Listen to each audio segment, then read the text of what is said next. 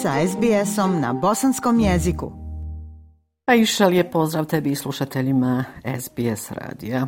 U okviru procesa uspostave izvršne vlasti u Federaciji Bosne i Hercegovine 24. februara su bila najavljena dva sastanka u Sarajevu i to u vezi sa izborom predsjednika i do predsjednika Federacije Bosne i Hercegovine. Kao što znate, prošle sedmice su se dogovorili Lidija Bradara i Igor Stojanović da Lidija Bradara bude predsjednica Federacije, a da zamjenici predsjednika Federacije, odnosno podpredsjednika predsjednici federacije budu Igor Stojanović i Refik Lindo.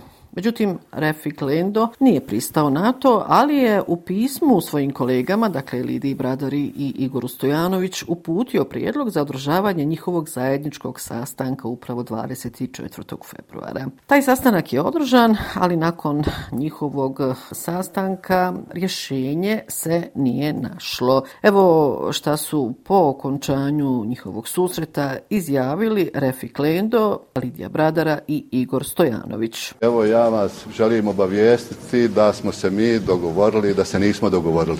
Mi smo ostali nas dvoje pri svojoj odluci da sam ja pre, kandidatkinja, u stvari predsjednik federacija, kolege do predsjednici. Žao mi je što se ne poštuje većina, građanska većina koja postoji u oba doma, koja je već demonstrirana. Nakon ovih e, kratkih obraćanja novinarima, e, Refik Lendo je pojasnio kad sam predložio ovaj sastanak, zamolio i predsjednike političkih partija da pokušaju da nam pomognu da to bude jedan politički dogovor, paket, kako bi mogli u narednom periodu sljedeći korak razgovarati o predsjedniku ili kandidatu za premijera vlade federacije iz jednog naroda, odnosno predsjednika federacije iz drugog naroda, do tog dijela nije došlo, tako da mi danas nismo mogli da odredimo I nakon ovoga sastanka novinarima se obratila e, Mirjana Marinković-Lepić, predsjedavajuća predstavničkog doma parlamenta Federacije Bosne i Hercegovine. Po svemu sudeći, Vruć Krompir ide e, na sjednicu predstavničkog doma federalnog parlamenta. Evo, poslušajte predsjedavajuću Mirjanu Marinković-Lepić. Mi smo se dogovorili. Mi ćemo organizovati sjednicu koja će biti u utorak sa početkom u 12 sati. Dakle, postup ćemo u skladu sa izmjenama Ustava i izbornog zakona. Novinarima se obratila i zamjenica predsjedavajuće predstavničkog doma Parlamenta Federacije Edina Gabela. Stranka za Bosnu i Hercegovinu se drži onoga, to jest potpisanog dokumenta i potpisanog dogovora. Također se novinarima obratio i Mladen Bošković, također zamjenik predsjedavajuće predstavničkog doma Parlamenta Federacije Bosne i Hercegovine. Ne možemo ih mijenjati jer su izabrali klubovi. Ovo je samo gubljenje vremena. Dakle, a išće da ponovim, vidjet ćemo da li će predstavnički dom Parlamenta Federacije Bosne i Hercegovine u utorak odrediti ko je zaista predsjednik, a ko su podpredsjednici Federacije Bosne i Hercegovine. Almir Đuvo je novi direktor obavještajno-sigurnosne agencije Bosne i Hercegovine. On je 23. februara imenovan na vanrednoj sjednici Vijeća ministara Bosne i Hercegovine u Sarajevu. Đuvin zamjenik je Risto Zarić, a Damir Bevanda, koji ranije bio na toj poziciji, ostaje glavni inspektor. Imenovanjem Đuve Vijeća ministara je zvanično razriješilo dužnosti Osmana Mehmedagića Osmicu i njegovog zamjenika Trifka Buhu. Đuvu je potvrdio izvršno obavještajni odbor. Kristijan Schmidt je iskoristio svoje bonske ovlasti Naime, 23. februara izmijenio je zakon o memorialnom centru Srebrenica Potočari, spomen obilježje i mezarje za žrtve genocida. Ova izmjena olakšat će rad memorialnog centra i omogućit će da se neutrošena sredstva prvobitno namijenjena za ukope koriste u druge svrhe uz prethodnu saglasnost donatora. Prema riječima predsjedavajućeg upravnog odbora memorialnog centra Šefketa Hafizovića, ovo je važan iskorak jer predstavlja predstavlja potvrdu transparentnog i odgovornog rada u posljednje tri godine. Međutim, taj isti dan kada je Christian Schmidt eh, donio E, odnosno izmijenio zakon o memorialnom centru Srebrenica Potočari. Oglasio se i predsjednik Republike Srpske Milorad Dodik koji je ponovo negirao genocid u Srebrenici. I tim povodom ruženje pokret Majke Enklava Srebrenica i Žepa su se oglasile saopćenjem.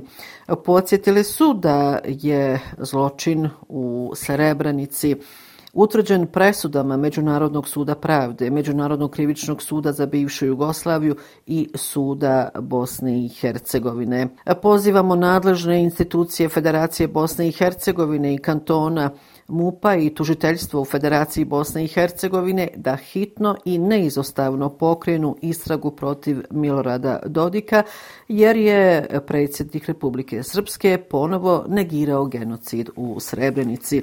Stoji u saopćenju udruženja pokreta Majke Enklave Srebrenica i Žepa. U nastavku još nekoliko informacija. Komisija za analizu prikupljanja dokumentacije u okviru provjere vjerodostojnosti isprava vezani za post postdiplomski studij. Sebije Izetbegović uputila je 23. februara zvaničan prijedlog da se poništava diploma o postdiplomskom studiju e, direktorice kliničkog centra Univerziteta u Sarajevu. Ovaj prijedlog je poslan rektoru Univerziteta u Sarajevu koji će ga dalje uputiti na glasanje e, na Senat. Predloženo je da se poništi upis Sebije Izetbegović u matičnu knjigu magistranata na Medicinskom fakultetu u Sarajevu. Zahtjev za poništenjem diplome e, komisija temelji na zaključku da Sebija Izetbegović nije ispunila ispitne obaveze na postdiplomskom studiju na Medicinskom fakultetu u Sarajevu. Tu se misli na tada propisane procedure za stjecanje diplome magistra.